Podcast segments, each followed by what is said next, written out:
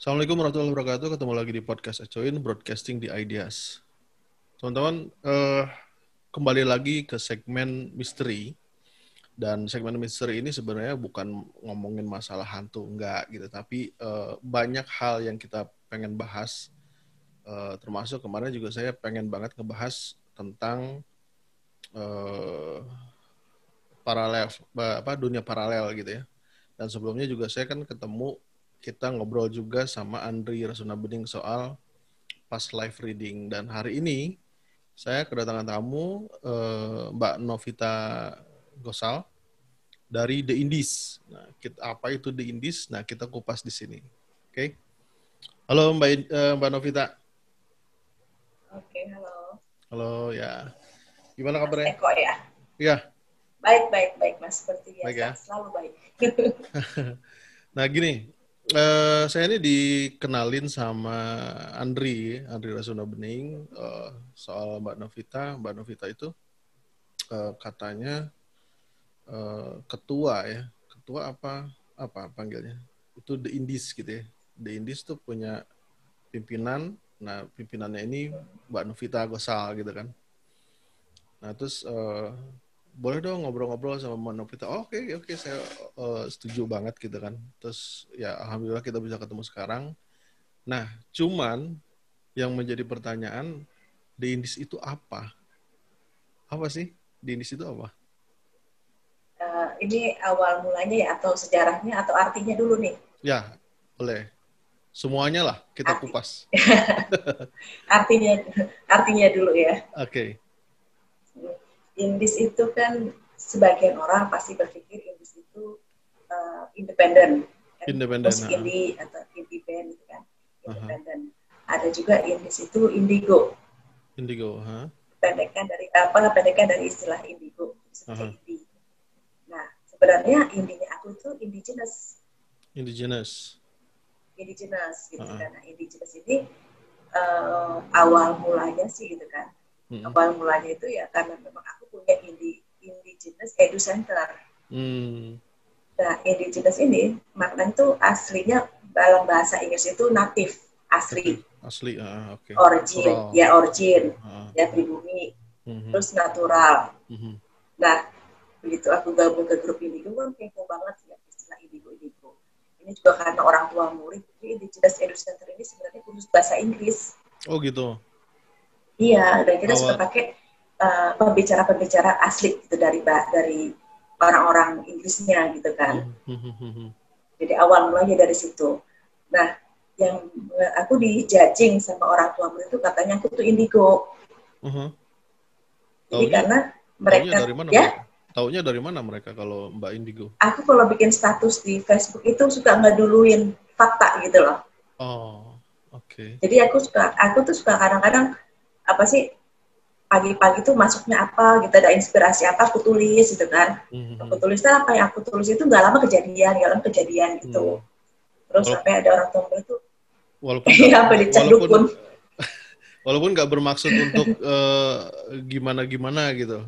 Maksudnya uh, apa tahu tahu akan ada kejadian itu atau enggak sebelumnya sebelum nulis status itu?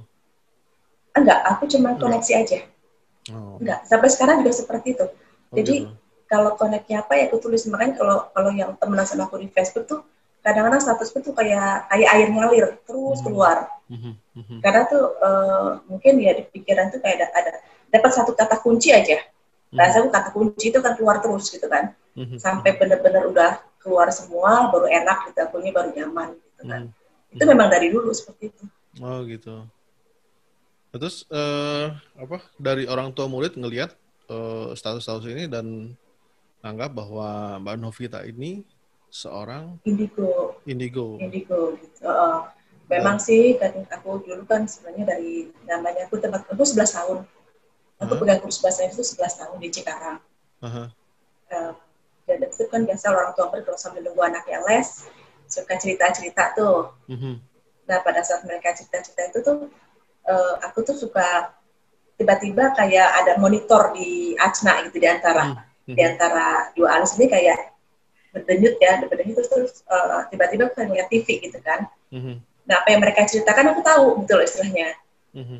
Jadi aku kan agak sedikit terganggu ya, karena kan itu kan kadang-kadang mereka bahas privasi lah. Mm-hmm. Atau misalnya ada cerita yang gak sinkron, misalnya salah satu tuh bohong atau gimana, aku bisa tahu gitu kan. Mm-hmm. Jadi aku suka menghindar. Nah beberapa orang tua murid yang dekat sama aku, kalau lihat aku menghindar pasti kepo deh. Novi lihat apa? Novi lihat apa? Pasti gitu. Jadi lama-lama ya, ya menurut kamu udah tahu sampai ada orang temen yang yang rajin banget ya kalau meeting pasti telepon gimana hasilnya nanti gini-gini. Aku tuh hmm. bolak-balik ganti nomor HP gara-gara itu juga. Agak ini juga ya, maksudnya agak terganggu juga atau gimana? Uh, banget. Lama-lama kan akhirnya aku lepas itu kan, aku uh. lepas kursusku semua dan itu juga salahku juga sih. Jadi waktu itu aku agak sedikit terganggu dan aku uh, nyeplak aja. Aku tuh memang nggak bisa nyeplak sih memang dari dulu gitu ya. Mas hmm. tapi masih bandel, masih bandel.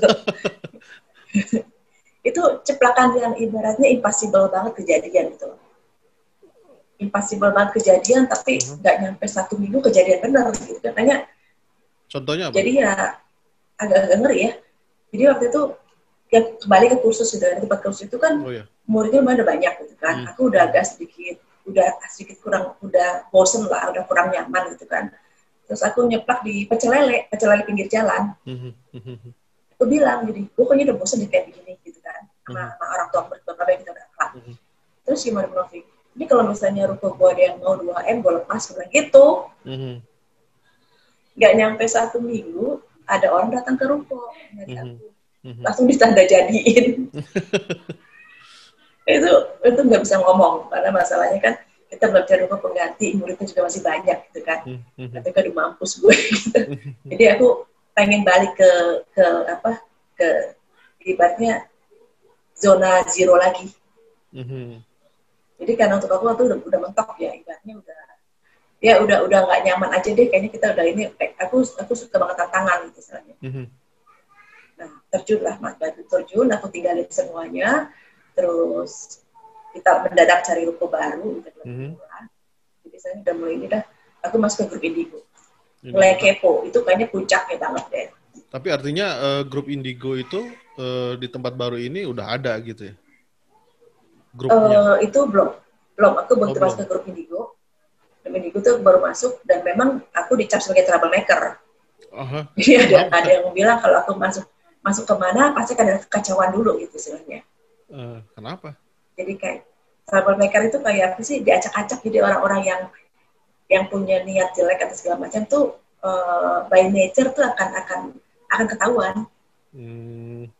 sampai akhirnya ya udah ada kekacauan segala macam aku bikin grup lagi bikin grup sendiri gitu kan bikin grup sendiri hanya untuk menampung troublemaker yang lain gitu istilahnya kan hmm. Hmm. jadi aku perhatikan kalau di grup indigo tuh ternyata yang by feel aku tuh benar-benar indigo tuh justru dimusuhin uh -huh. nah, ya berarti... ini larinya ke hmm? Ya, terus? Ya, ini larinya ke persaingan sih ya, kalau aku bilang uh -huh. sih. Uh -huh. Karena kan untuk untuk bahasa kalau bahasa aku indigo ini kan ibarat orang suka main gitar, uh -huh. ya main gojrang ganjel di mana aja. Uh -huh. Berarti dikasih panggung mereka senang gitu loh. Gak usah dibayar. Uh -huh. Naik panggung aja mereka udah senang gitu kan. Uh -huh. Ya sama anak-anak itu indigo juga seperti itu. Uh -huh. Mereka akan asal mereka nyaman, mereka nyeplak, mereka ngeramal, mereka kan suka-suka dia gitu loh. Uh -huh Nah, jelas ini kan menjadi ancaman bagi profesional kan. Mm-hmm.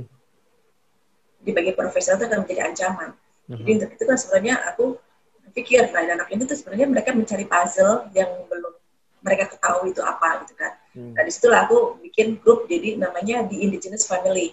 Mm-hmm. Di Indigenous ini berarti natural, native, origin uh, dari pemikiran kita sendiri. Mm-hmm. Jadi aku mencoba menyatukan dunia indigo, supernatural, spiritual, paranormal, dan dukun.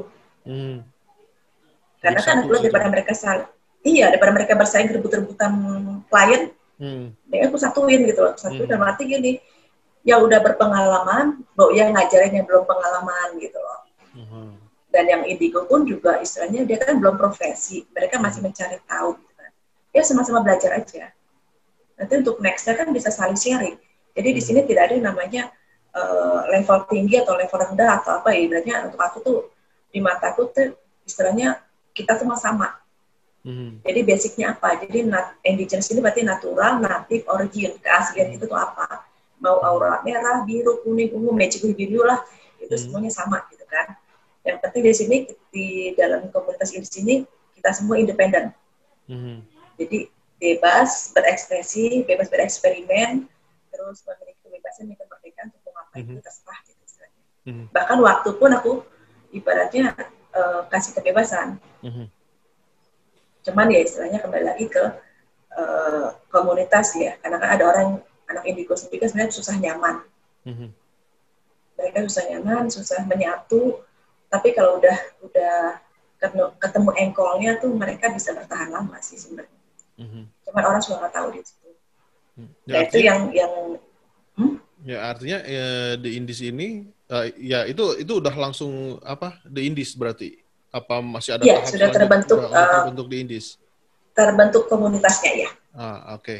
nah ini berarti dan ini nyambung dengan uh, nyambung dengan namanya Indigenous Edu Center ah oke okay tadi kan disebutkan uh, bahwa indigenous itu adalah uh, apa namanya originalitas gitu ya dari pribadinya mereka secara natural gitu ya. Artinya iya ngalir sendiri ya. Uh, artinya uh, apakah yang dimaksud dengan originalitas itu uh, kemampuan six sense lah katakan seperti itu gitu. Itu murni dari uh, dirinya sendiri secara natural atau e, bisa juga orang yang mau belajar dari nol kemudian dia memiliki kemampuan itu atau gimana? Sebenarnya se semua punya sih pak.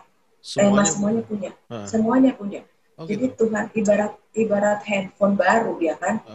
Kadang-kadang kan kalau kita beli HP, kadang pasti pasti ada aplikasi yang sudah dibenamkan uh mhm. -huh.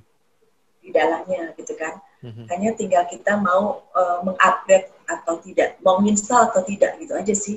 Mm. Tapi juga ada juga kemampuan-kemampuan yang keluar dengan uh, istilahnya kalau bahasa aku ada power of kepepet, keluar dengan sendirinya.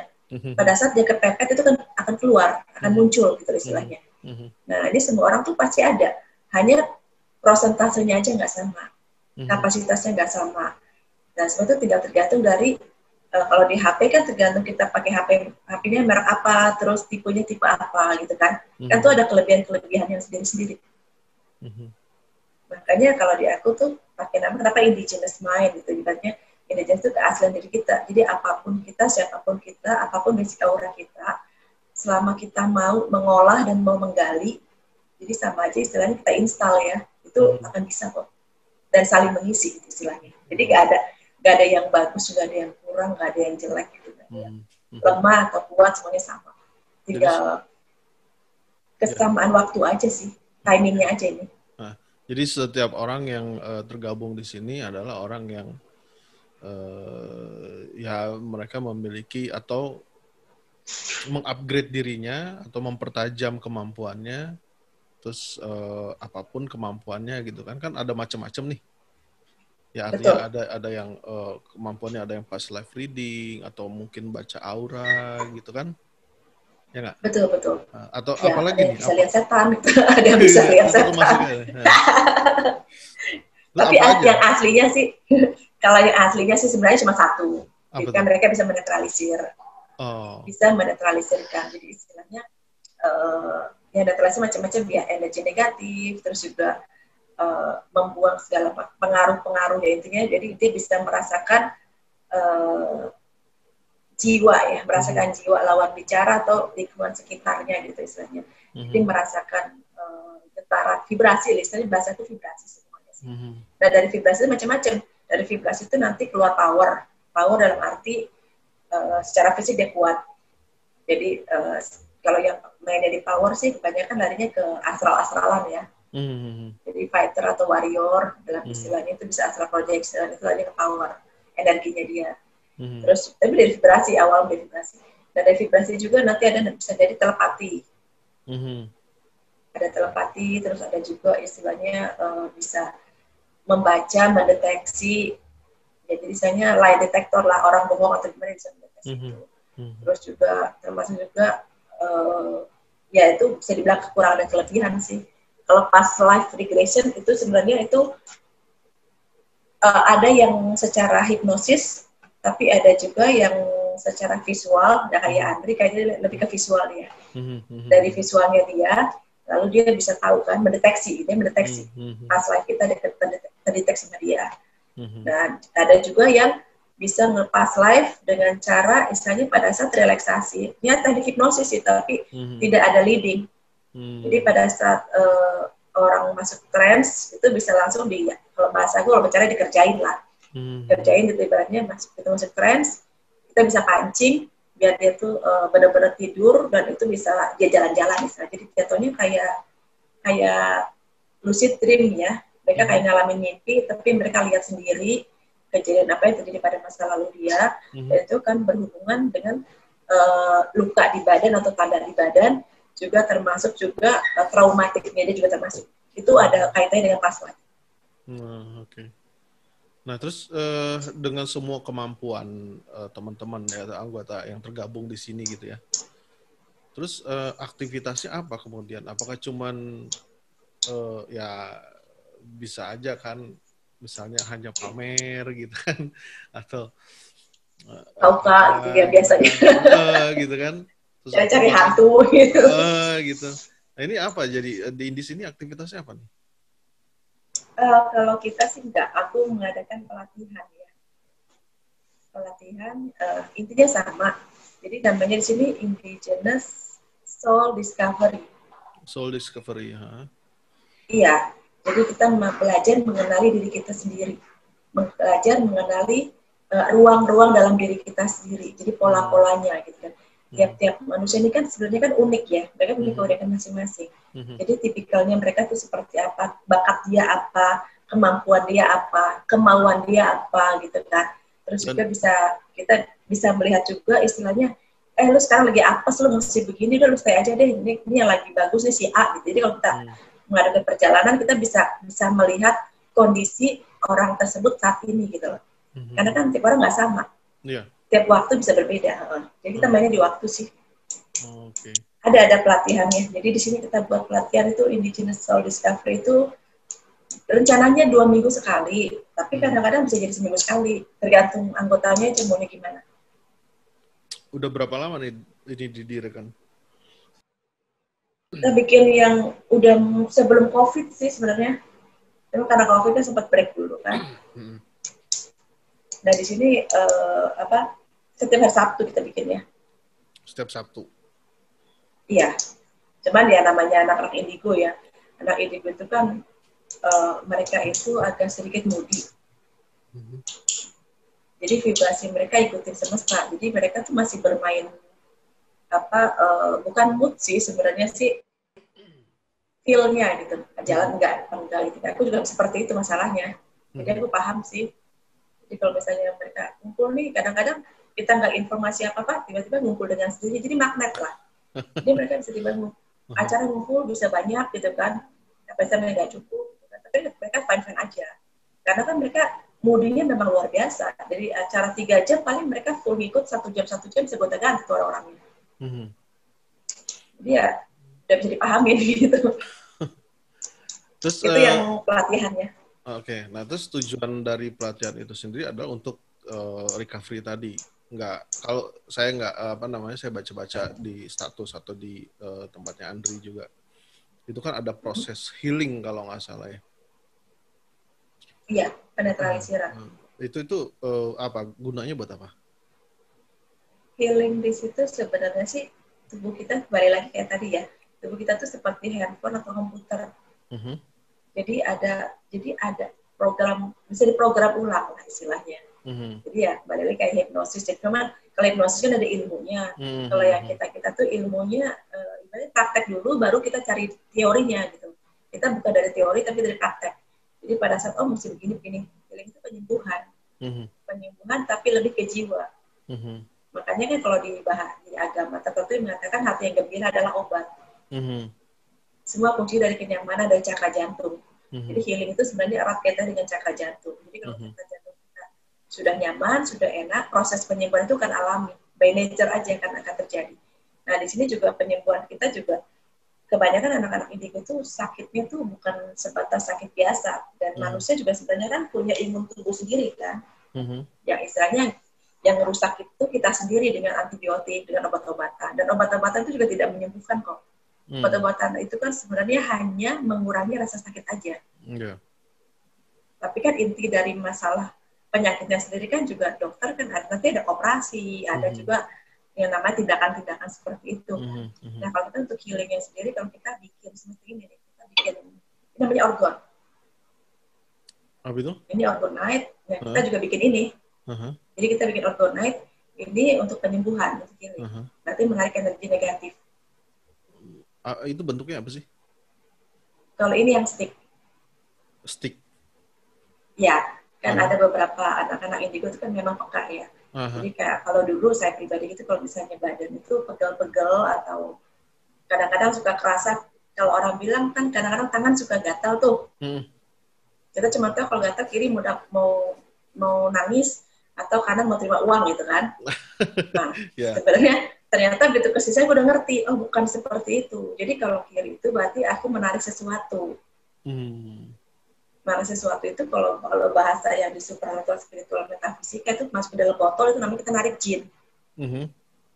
bahasa mereka mm-hmm. Padahal kalau kita tuh kalau aku tuh narik energi negatif nah pada saat itu masuk ke dalam botol nah botol pada tarik dalam botol tuh di foto entah kelihatan sosok ada kayak tuyul lah ada kuntilanak mm-hmm. lah macam-macam lah itu kan hanya gambaran dari visualisasi, visualisasi dari energi. yang melihat uh, okay. iya yang melihat kalau yang lihat tuh visualisasi dia kayak kuntilanak ya jadi kuntilanak tapi itu hmm. energi terserah dia mau jadi apa hmm Makanya nggak sama hasilnya. Mm-hmm. Dulu aku begitu. Mm-hmm. Terus kalau nggak, karena kalau belum dipindahin itu badan masih masih nggak enak. Lama-lama tuh masuk ke dalam dan rasanya tuh kayak kesumsum. Mm. Itu betul-betul kayak apa sih ngilu-ngilu gitu. Jadi aku kalau udah kayak gitu ya, kalau nggak pakai koin, ya pakai botol atau pakai stick ini. Kalau pakai stick ini udah dikunci di dalam. Oh gitu. Jadi nggak perlu repot-repot buang lagi gitu. Uh, uh, uh. Oh, itu media lah ini ya. kita bikin sendiri. Hmm, kita bikin media. sendiri. Atau kalau nggak pakai ini, pakai ini, kita bikin kalung. Sama di organ juga, jadi dari kristal. Mm-hmm. Jadi ada yang metodenya kita kasih tahu. Oh, dikasih ke dikasih ke pasiennya atau di uh, dijadikan media untuk misalnya di treatment apa gitu misalnya kayak stick kan kalau aku ya ada uh, yang di ditempelin uh, misalnya atau Nah, yang kalung ini diapain? Dipakai aja, ini murah. Oh, Tapi kalau pada saat ini, ya, aku juga pakai sih. Oh, Jadi kalau ini kayak power bank, jadi kayak power bank. Jadi kalau kayak energi kita berlebih, dia akan nyimpan di sini. Uh-huh. Pada saat energi kita kurang, ya dia akan, istilahnya dia akan nginjek lah bahasanya. Aku tuh nginjek. Jadi kita tuh nggak butuh minum minuman vitamin atau segala macam obat-obatan gitu loh. Oke. Okay. Nah kalau misalnya pusing-pusing juga paling cuma ditempel aja gitu kan. Tapi ini kembali lagi ke kita punya apa teh semua ada tekniknya sih. Nah itu kita mesti ajarin aja sih mereka. Terus tahunya kita uh, berlebih energi atau kurang energi atau biasa aja itu dari mana? Bisa nggak maksudnya uh, secara secara umum uh, orang awam misalnya seperti saya gitu bisa tahu nggak sih? Uh, bisa sebenarnya kalau kita kelebihan energi pasti kita susah tidur kan. Uh -huh biasanya kalau orang kelebihan energi itu susah tidur. Hmm. Jadi istilahnya pengen gerak terus, jadi kayaknya aktif banget gitu loh, istilahnya atraktifnya oh. mau ngapain lagi itu energi lagi-lagi ekstra banget gitu istilahnya kan, gak ada hmm. capeknya lah. Hmm. Dia anak kecil lah bisa kelihatan kalau kelebihan energi. Tapi kalau lagi kurang energi, itu kan istilahnya bawaannya capek. Hmm. Terus lesu, kita malas mau ngapain, jadi gak ada energi. Jadi kalau orang yang dibilang ada atraktif, lah kalau bahasa Inggris ya, why you so attractive, berarti dia lagi-lagi ekstra energi, lagi-lagi fit banget hmm Terus di saat yang lainnya pada lemas diskusi dia aktif banget. Ayo dong ke mana dong? Jadi itu lagi ekstra lebih banget gitu dia. Mm-hmm. Itu yang yang logis aja ya. Mm-hmm. Itu yang logis gitu. Logika orang-orang lebih dari kan seperti itu. Jadi gak ada matinya rasanya. Tapi jangan salah. Kalau misalnya tidak terkontrol, misalnya sekarang dia lebih energi, besoknya dia kurang energi, itu kan berarti gak stabil ya. Gak stabil. Nah itu kadang-kadang ada faktor lain. Misalnya? ada faktor lain. Nah, aku bilang kalau misalnya contohnya ada orang yang uh, dia diinjeknya tuh pakai ya melari ke bahasa supernatural. Misalnya dia pakai kalung ada ada jimatnya, apanya gitu. Jadi oh. semacam kayak di doping kan. Orang kelebihan lagi kalau karena doping kan juga gak bagus kan. Hmm, hmm, Makanya kalau aku tuh uh, sama yang di komunitas, aku suka banget ada orang iseng gitu kan. Kelihatan tanggal orang, aku coba cek uh, aura basic, aura dasarnya. Nah, dari aura dasar itu kita tahu kita punya batas kemampuan di mana. Mm-hmm. Jadi orang-orang yang memang energinya energik banget itu mereka banyak kan di aura bawah ya, aura mm-hmm. merah, orange sama kuning gitu kan. Mm-hmm. Itu itu lebih ke energi. Makanya dia bilang kalau ini itu gampang sakit atau gimana. Karena memang mereka bukan di fisik, mereka banyak kan main di pikiran. Mm-hmm. Oh, gitu ini ya? kestabilan aja. Nah, jadi kalau misalnya fisiknya kuat, otomatis uh, ya di pikiran dia jangan kerja di, di pikiran lebih banyak kerja fisik. Hmm. Tapi kalau misalnya pikiran uh, fisiknya lemah, dia banyak kerja di pikiran. Okay. Jadi ada sedikit ke apa kalau di dia itu bilang keseimbangan ya. Oke, okay. uh, ngomongin soal aura nih. Uh, aura itu apa ya? Misalnya uh, apakah visualisasi dari energi yang dia miliki atau apa? aura itu lebih kalau di aku sih bukan itu shield ya. Shield. Ada yang bilang sebagian ada shield uh, perlindungan. Uh-huh. Aura itu kalau di agama ya yang mungkin hanya kelihatan jelas di kepala ya itu holo ya. Uh-huh. Kayak holo. Jadi kalau kita lihat gambar-gambar nabi kan sudah kasih lingkaran putih tuh. Uh, oke. Okay. Uh. Hanya di kepalanya aja gitu kan. Uh-huh. Uh-huh. Tapi ya sebenarnya itu bukan cuma di kepala aja itu satu badan. Satu Jadi badan. ada berapa senti berapa senti. Uh, uh. Hmm. Dan itu ada lapisan-lapisannya. Nah hmm. itu yang aura. Nah, kalau dibilang aura itu energi ya, memang aura itu energi karena mm-hmm. aura itu kan dihasilkan dari kinerja roda-roda cakra di tubuh kita. Hmm.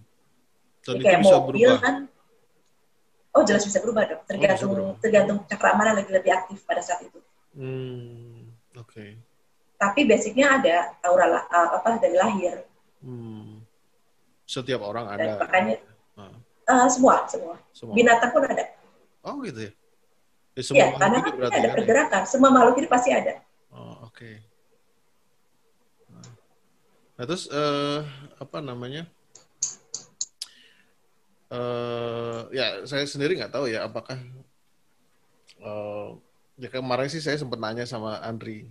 Oke, Andri, coba baca aura gue apa gitu kan.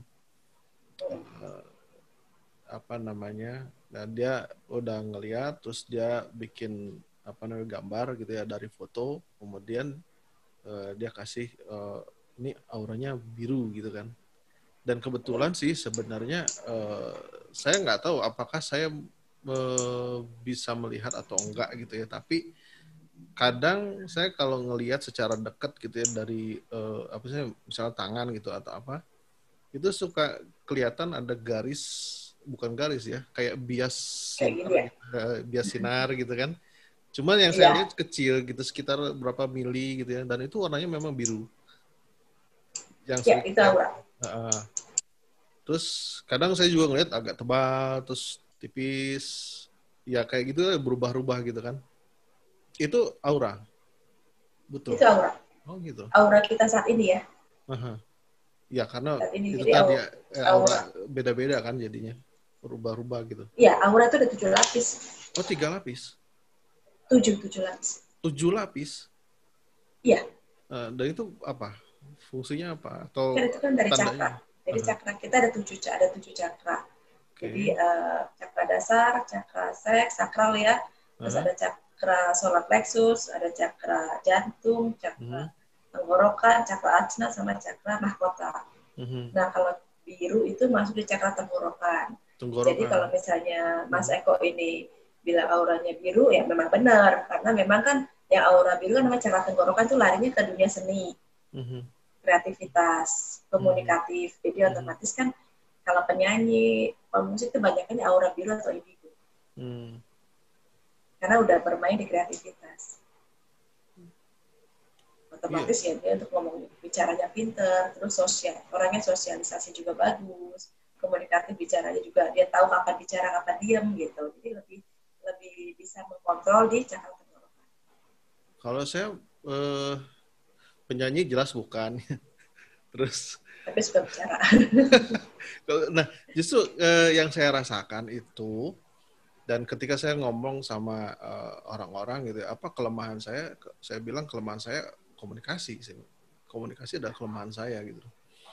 Terus uh, uh, ya artinya kan maksudnya agak-agak beda nih dengan dengan aura biru saya yang notabene misalkan ke arah seni, kemudian ada kemampuan untuk berbicara misalnya, untuk komunikasi gitu.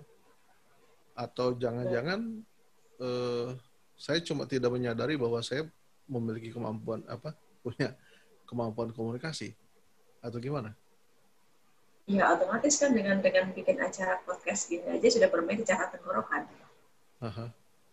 Yeah. Karena kan kalau orang tidak tidak memiliki uh, bukan tidak memiliki ya, yang cara tenggorokan tidak aktif itu biasanya mereka sudah tidak tahu mesti ngomong bagaimana. Mm. Makanya ada juga namanya hipnosis tanpa suara, tanpa kata-kata karena kan membantu orang anak-anak yang tidak bisa berbicara. Mm-hmm. Tidak apa susah untuk memulai untuk bicara ya gitu, gitu kan. Aku pribadi sebenarnya sama. Aku bukan orang yang bisa yang bisa memulai untuk bicara meskipun kalau sekali udah ngoceh itu ngalirnya udah kayak air. Aku lebih, tapi karena karena tuh uh, istilahnya yang ada ada pancingan aja sih. Kau boleh tahu tanggal lahir tanggal berapa Pak Eko? Eh Mas Eko? Apa? Tanggal lahirnya? Tanggal lahir 5 November 76. 5 November. 76.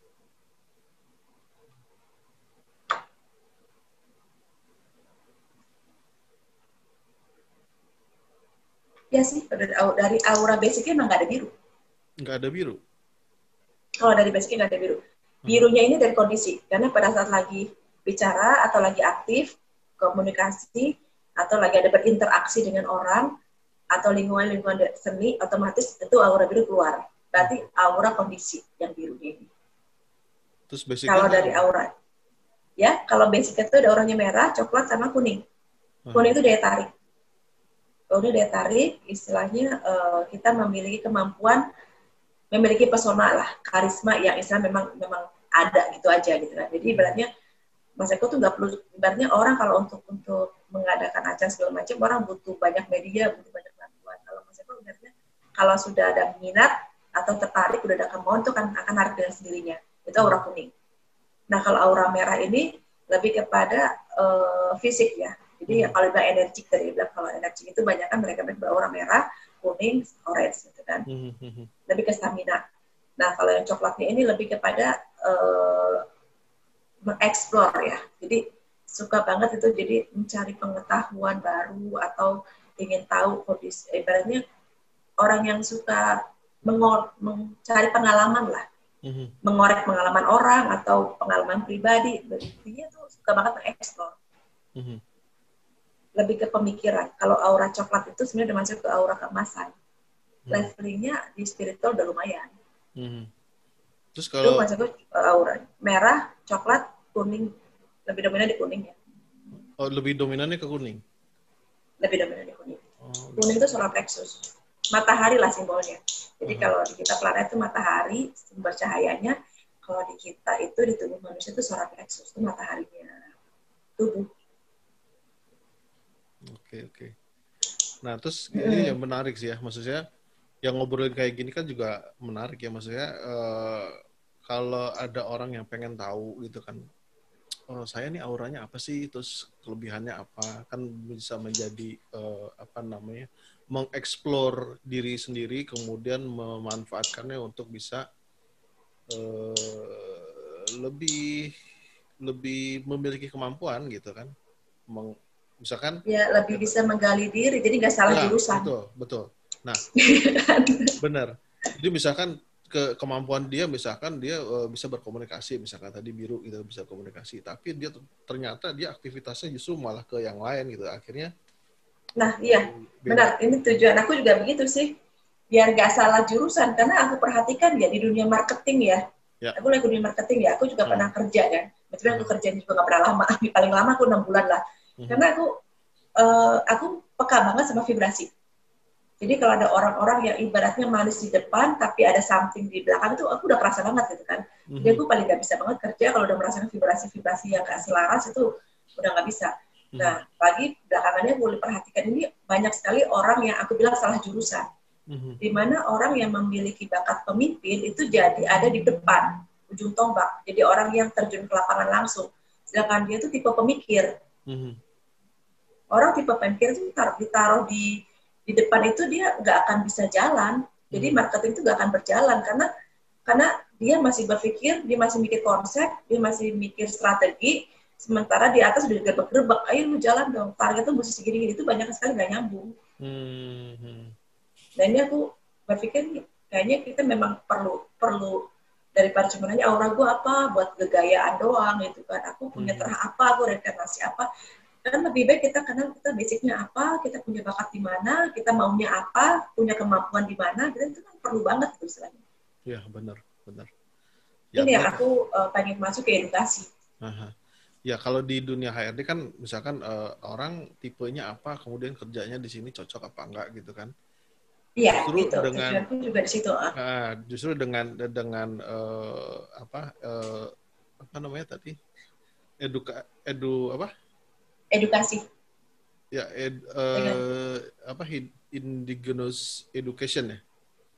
Ya, indigenous edu center. Edu center. Okay. Programnya ya indigenous soul discovery. Oke. Okay. Nah, dari sini de, uh, juga punya program untuk bisa membaca uh, dan ya membaca orang tuh sebenarnya kemampuannya apa gitu. Dari situ kemudian dia bisa uh, mengembangkan dirinya sendiri gitu kan. Sama aja kan kayak HRD orang dibaca ya, ini kayak human design system lah kayak HDS ya tapi di sini lebih simpel karena saya menggabungkan uh, semua metode. Jadi di sini ada metode feng shui bak pace yang kalau bahasa yang di Cina terus ada juga metode yang kalau di Jawa itu weton. Uh-huh. juga sama uh, life path numerologi. Okay. jadi kan di sini basic kita lihat basicnya. Terus uh, kalau yang Mas Eko lihat di tangannya auranya apa itu aura terkini karena aura itu kan berlapis-lapis. Mm-hmm. Jadi aura basic, aura terkini, sama aura sekitar. Mm-hmm. Kalau misalnya kita ada di rumah sakit atau di ruang di tempat ibadah itu pasti auranya kita terpengaruh aura sekitar. Mm. Atau kalau mau gaya-gayaan biar aura kita tuh kelihatan mistis, kita foto aja dekat makam makam tua atau tempat yang yang dianggap keramat kita foto, mm. tapi makam keramat jangan kelihatan. Kita aja. Itu pada saat di scan orang dengan penglihatan ya visual itu aura kita akan mistis. Oh gitu ya itu trik lah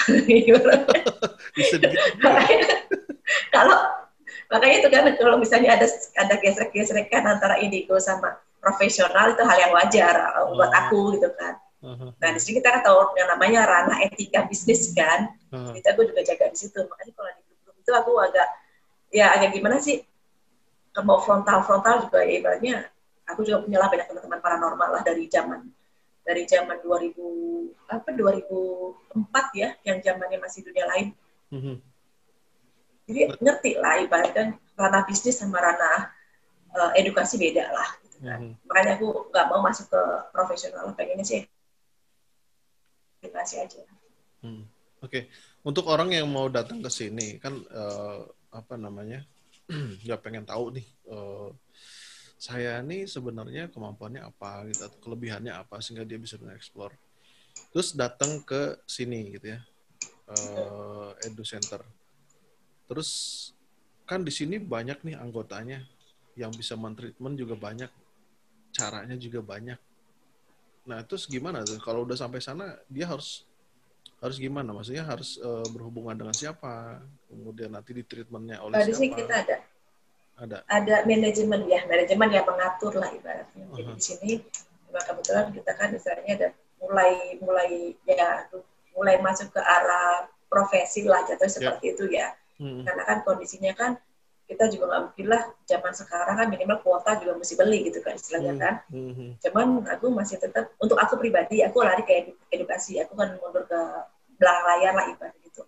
Cuma kan anak-anak ini kan ya aku sebutnya anak-anak ya meskipun mereka udah dewasa kayak Andri terus ke sini juga Arba Katulistiwa ada Laura ada Mutia banyak lah ibaratnya di sini mm-hmm. nah itu meskipun mereka sudah dewasa tapi pemikiran mereka tuh aku bilang masih polos gitu mereka kan mm-hmm. bukan orang bisnis bukan orang profesional yang memang mm-hmm. tahu dunia ya dunia yang global sekarang tuh mereka nggak nggak berpikir ke situ mm-hmm. jadi ada satu anak yang bikin organ ini ini kan outbound Nah, organik kan mereka kalau profesi jual itu kan harganya udah di atas 300-an. Mm-hmm.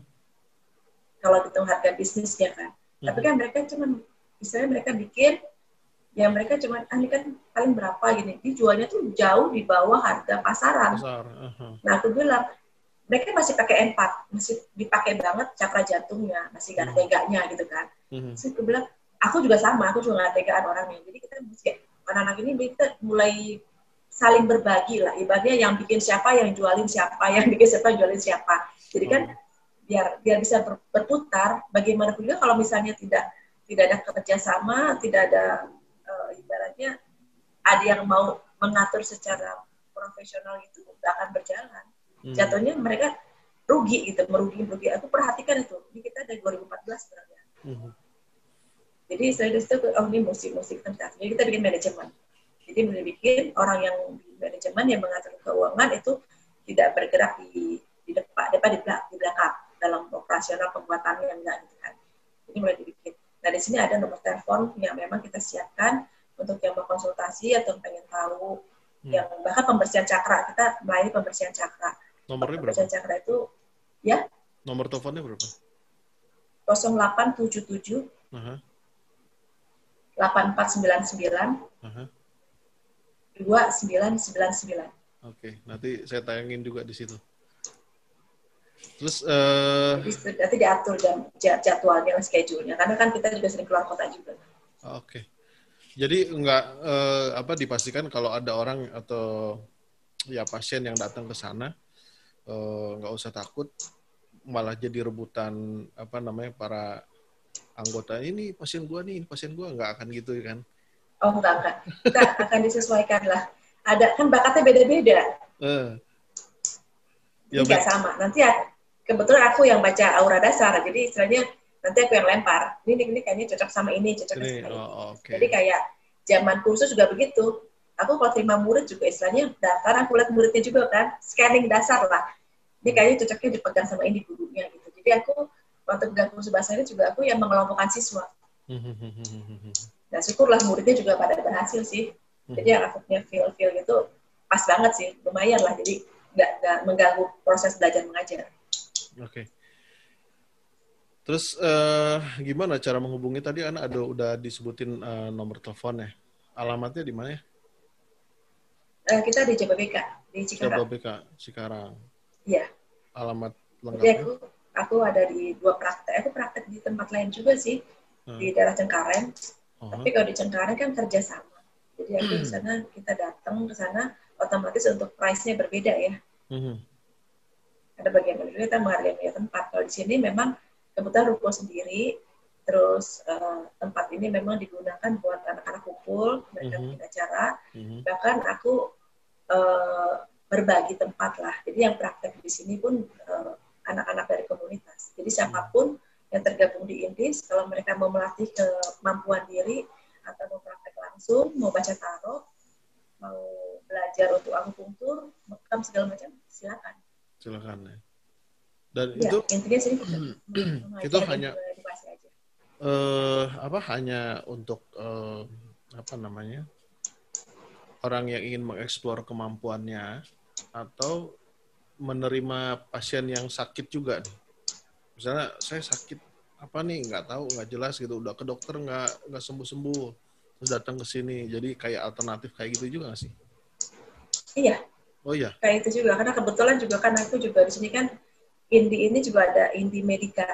Kebetulan memang jadi ya kata dia bilang nama Indi ini juga sebenarnya ngalir ya kayak kayak anugerah Tuhan deh. Aha.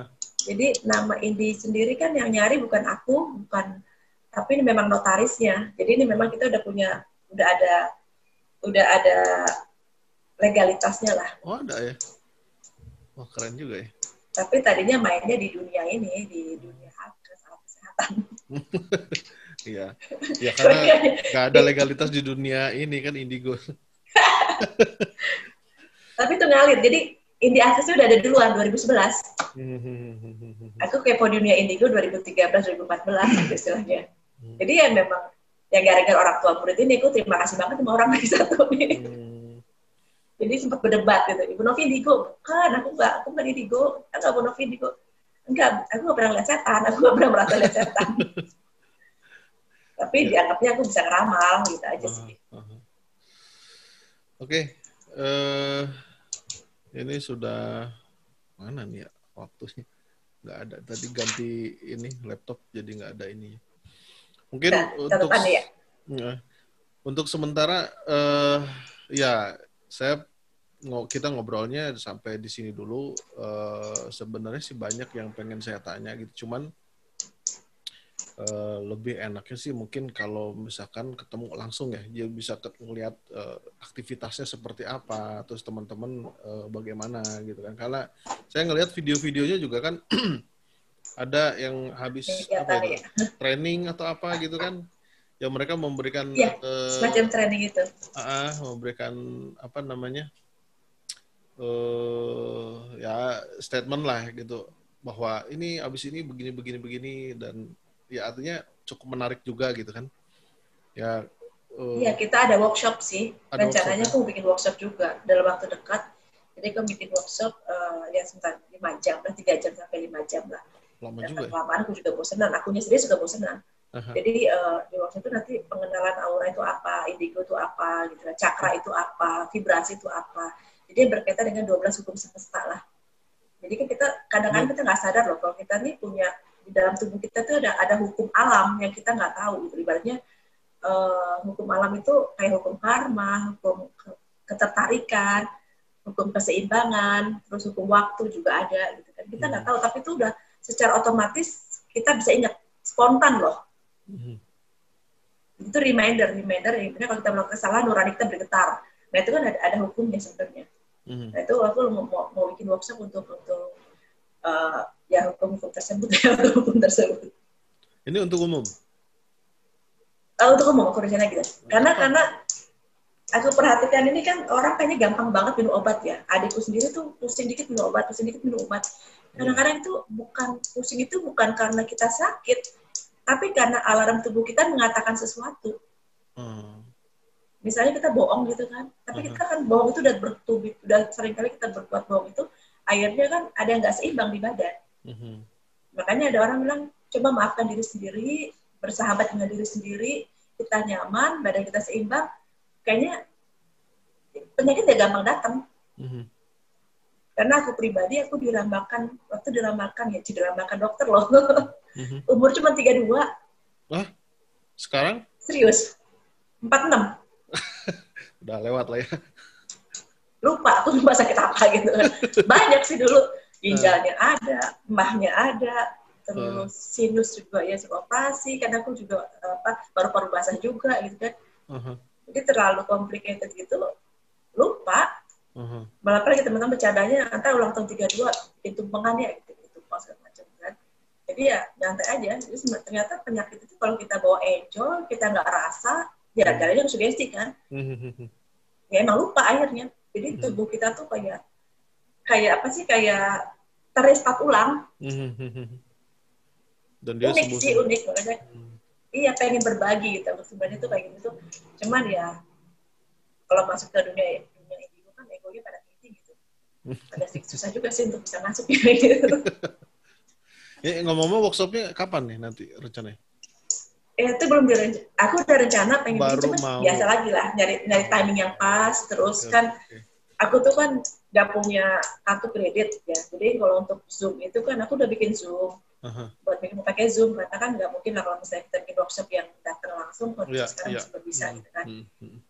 Nah itu masih mentok di situ. Kalau kalau terputus-putus gitu kan. Hmm. hmm, hmm. Nah untuk kartu kredit aku dulu punya pengalaman sekali berbagi cerita ya, hmm. sharing aja lah dulu aku punya kartu sampai 9 kartu tapi aku nggak ngeplay mm-hmm. nggak mm-hmm. ngeplay gitu jadi pada saat udah habis ya nggak ada perpanjangan gitu mm. jadi suka orang guru sudah bikin kartu kredit kan bikin mm-hmm. aku tanda tangan lama-lama datangnya dua mm-hmm. biasa lah zaman dulu masih gampang kartu kredit kan mm-hmm. Udah habis habis habis habis selesai ya udah nggak punya lagi mm-hmm. ya unik aja sih ya aku suka begitu tuh jadi dari kebiasaan pemikiran. Dari situ aku kapok, kapok untuk mikir yang aneh-aneh. Hmm. Karena memang memang waktu sih untuk aku sih semuanya berawal dari waktu. Jadi yang kekuatan yang memang luar biasa di dunia ini ya waktu. Kalau hmm. waktunya pas, apa pun yang kita mau pasti tadinya pas, itu bagus saja.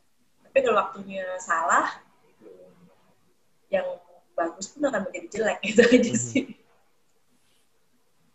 Okay. Apalagi. Uh Ya, uh, untuk sementara mungkin itu dulu, Mbak. Uh, nanti uh, lain waktu mudah-mudahan kita bisa ngobrol lagi uh, tentang banyak hal gitu kan. Dan saya juga pengen ikutan workshop nanti kalau misalkan ada. Uh, iya, nanti workshop kita bikin. Uh, Jadi uh, perlahan-lahan lah. Uh, Oke, okay, mudah-mudahan bisa lancar ya semua aktifat. aktivitas. Tapi aku ada workshop, tapi workshop yang pas live. Apa? Tanggal 19. 19 Iya, tanggal 19 ini ya. Oh. Dari komunitas lain sih. Gitu.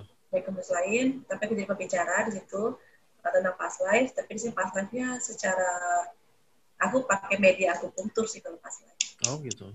Oh beda-beda uh, ya. Nggak, nggak cuma tadi yang disebutkan dua dua itu kan tadi ada yang dengan uh, visual, terus ada yang dengan uh, hipnosis. Hipnosis. Itu aku puntur juga ada. Aku aku puntur. Aku awalnya nggak ngerti kalau itu pas live. Cuma beberapa klien aku yang datang sebenarnya kan aku hanya membersihkan cakra aja gitu kan. Uh, uh, uh. Dan pakai pakai jarum atau puntur itu kan kita bisa masuk ke relaksasi. Uh, uh. Nah, mereka relaksasi itu beberapa yang memang karena mereka juga bakat ya datang ke aku tuh bukan bukan orang umum doang gitu kan kebanyakan emang dari komunitas itu mereka masuk ke ya jalan-jalan gitu mereka banyak kan jalan-jalan sendiri mm-hmm. nggak selesai mereka cerita gini-gini dan anehnya pada saat aku, ada di, di atas wajahnya mereka itu aku juga bisa bisa tahu apa yang mereka lihat gitu loh istilahnya mm-hmm. kalau jualan ngamatin jadi dalam dua tahun belakangan inilah mm-hmm. oke okay. makin makin dalam aja oh ini pas lah jadi nanti pembahasan di workshop itu enam jam sih tanggal 19 nanti ya. 19 nanti ya. Oke. Okay. Ya, jam 3, mulai jam 3 sih. Uh, informasinya ada di mana? Di apa? Di wall aku ada. Nanti aku share deh. Aku share ulang. Oke. Okay. Ntar aku ca uh, Untuk September ini tanggal 19 hari Sabtu. 19 ya. Oke, okay. sip. Ya, tapi kalau yang dari indisnya sendiri aku mau bikin workshop ini yang tentang aura, hmm. basic, hmm. cakra ya semuanya sih, tapi perlahan itu. Misalnya kalau workshop itu aku bikin buat, buat uh, anggota komunitas ibaratnya biar ya sama-sama bisa menggali diri lah. Dan gak, gak gampang dibohongin orang karena aku lihat ini kadang-kadang miris juga ya. Kita suka banget dibohongin. Kenapa? Ya Bu, kita suka dibohongin. Di belakang kamu tuh ada ini ini, ini. padahal kan kita nggak bisa buktiin. Uh. dan kita enjoy enjoy aja. Enggak, uh, apa maksudnya anggota yang dibohongin siapa? Anggota Enggak, pada umumnya orang. orang. Jadi aku tuh oh. manusia manusia. Uh. Mereka dibilang banyak kan suka dibohongin kan dengan hantu-hantuan, uh. kuntilanak, pocong segala macam. Uh. Nah, tapi kalau misalnya kita bisa tahu sendiri kan kayaknya lebih enak. Uh. Ya, kalau tapi ya itulah ranah ranah profesi sama ranah edukasi beda. Gitu. Oh. ya udah. Oke. Okay untuk sementara itu dulu. Uh, nanti kalau misalkan uh, ada hal-hal yang saya kolektifin dulu. uh, kalau misalnya ada pertanyaan-pertanyaan, ya mungkin nanti akan saya hubungi lagi Mbak Novita atau teman-teman nanti di, di Indis. Terus uh, mudah-mudahan aktivitas dan tujuannya tercapai, aktivitasnya lancar dan bisa membantu orang banyak karena menurut saya aktivitas di Indis ini juga termasuk yang mulia gitu loh. Karena eh, pada intinya mencari tahu sebenarnya kemampuan setiap orang tuh apa dan dari situ diharapkan dia bisa mengeksplor dirinya sendiri untuk bisa menjadi lebih baik lagi dan itu menurut saya eh, mulia gitu kan. Dan itu dibutuhkan oleh orang-orang banyak. Dan mudah-mudahan orang banyak yang datang ke sini untuk bisa dibantu sama teman-teman The Indies gitu ya. Oke. Okay. Ya, amin. Biar bisa sharing-sharing deh gitu ya. Ya, sip. Oke, okay, oke okay. untuk sementara gitu dulu. Terima kasih atas waktunya dan salam untuk teman-teman di The Indies ya. Ya, thank you. Selamat malam. Oke, okay, yuk, selamat malam.